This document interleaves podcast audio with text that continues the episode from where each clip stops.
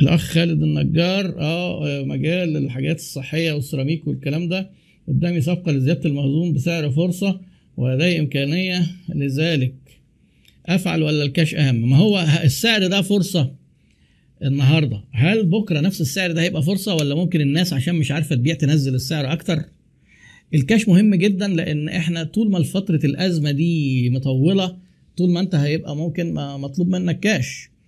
العامل عروض هو كمان عايز كاش مزنوق وعامل عروض عشان عايز كاش آه انت اهم حاجة خطتك لنفسك مش خطط الآخرين.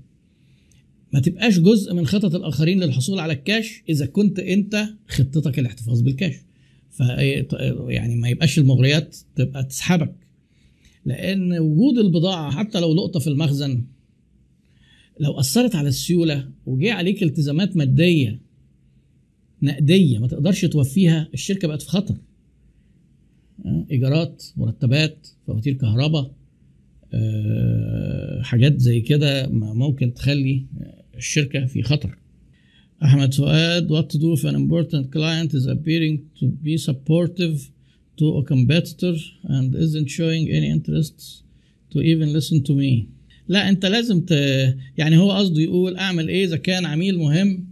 شكله بيدعم منافس وبيحب يتعامل مع منافس ومش عنده مش موري له يعني إيه مش مهتم بيا خالص. إيه الميزة اللي أنت شايف إن هو خسران إنه ما اهتمش بيك ما أنت لو مش مديني إجابة. يبقى من حق العميل يسيبك ويروح للمنافس.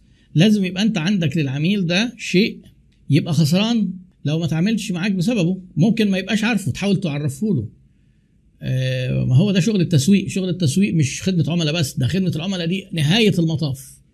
بعد ما نكون عملنا ال value واتكلمنا مع العملاء وأقنعناهم عشان يجوا يشتروا وبعدين اقتنعوا وجم اشتروا نحافظ عليهم بقى.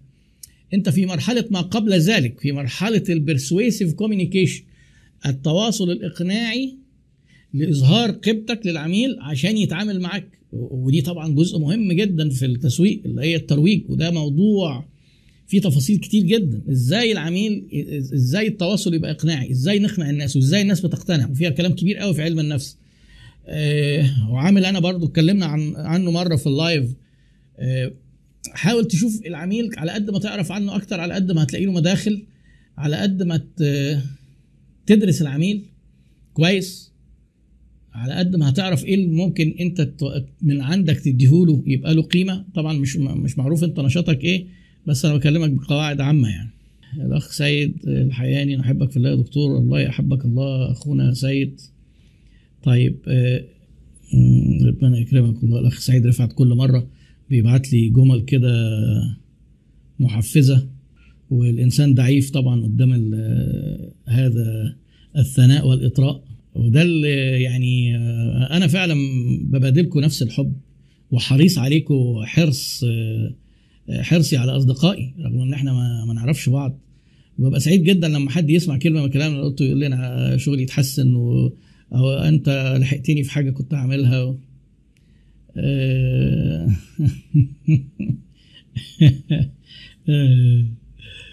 الاخ صلاح أحمد صلاح هجرس بيقول لي يا دكتور إيهاب أنا شغال بره مصر وإيه رأيك نفت... نحاول نفتح لحضرتك سوق بره مصر؟ عندي أفكار. طيب أنا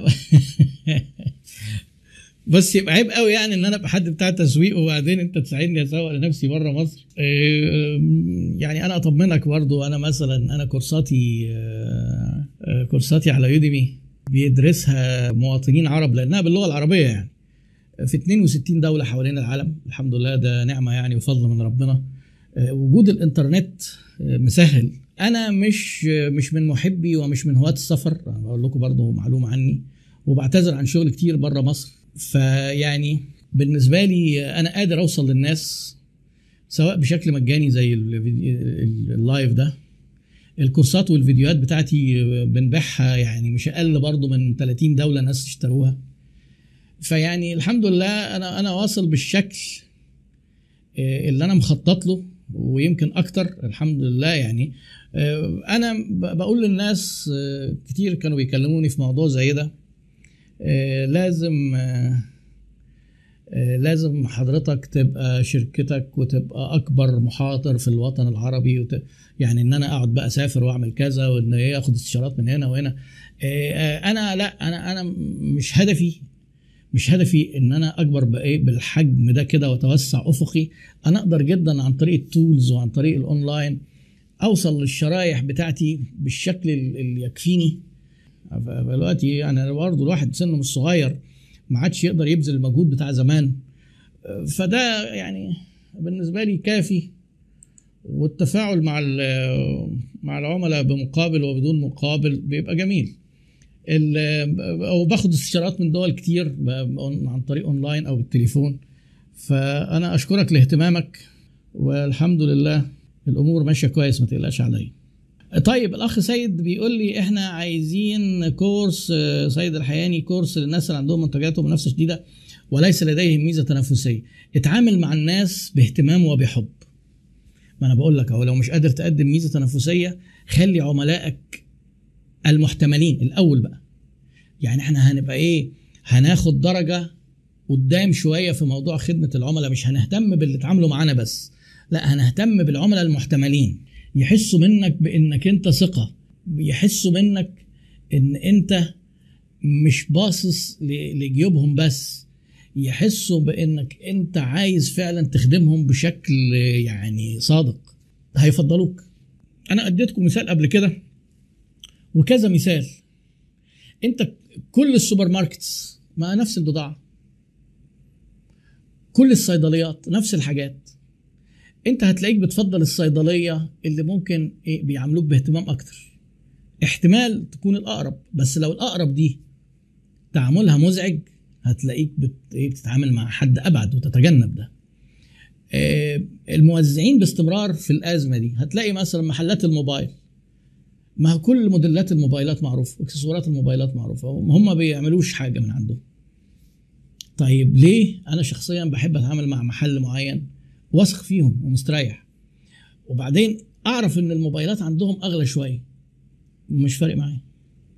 يعني أنت مثلا موبايل يعني إيه ب 10000 جنيه لو دفعت لك 200 300 جنيه زيادة. إيه المشكلة؟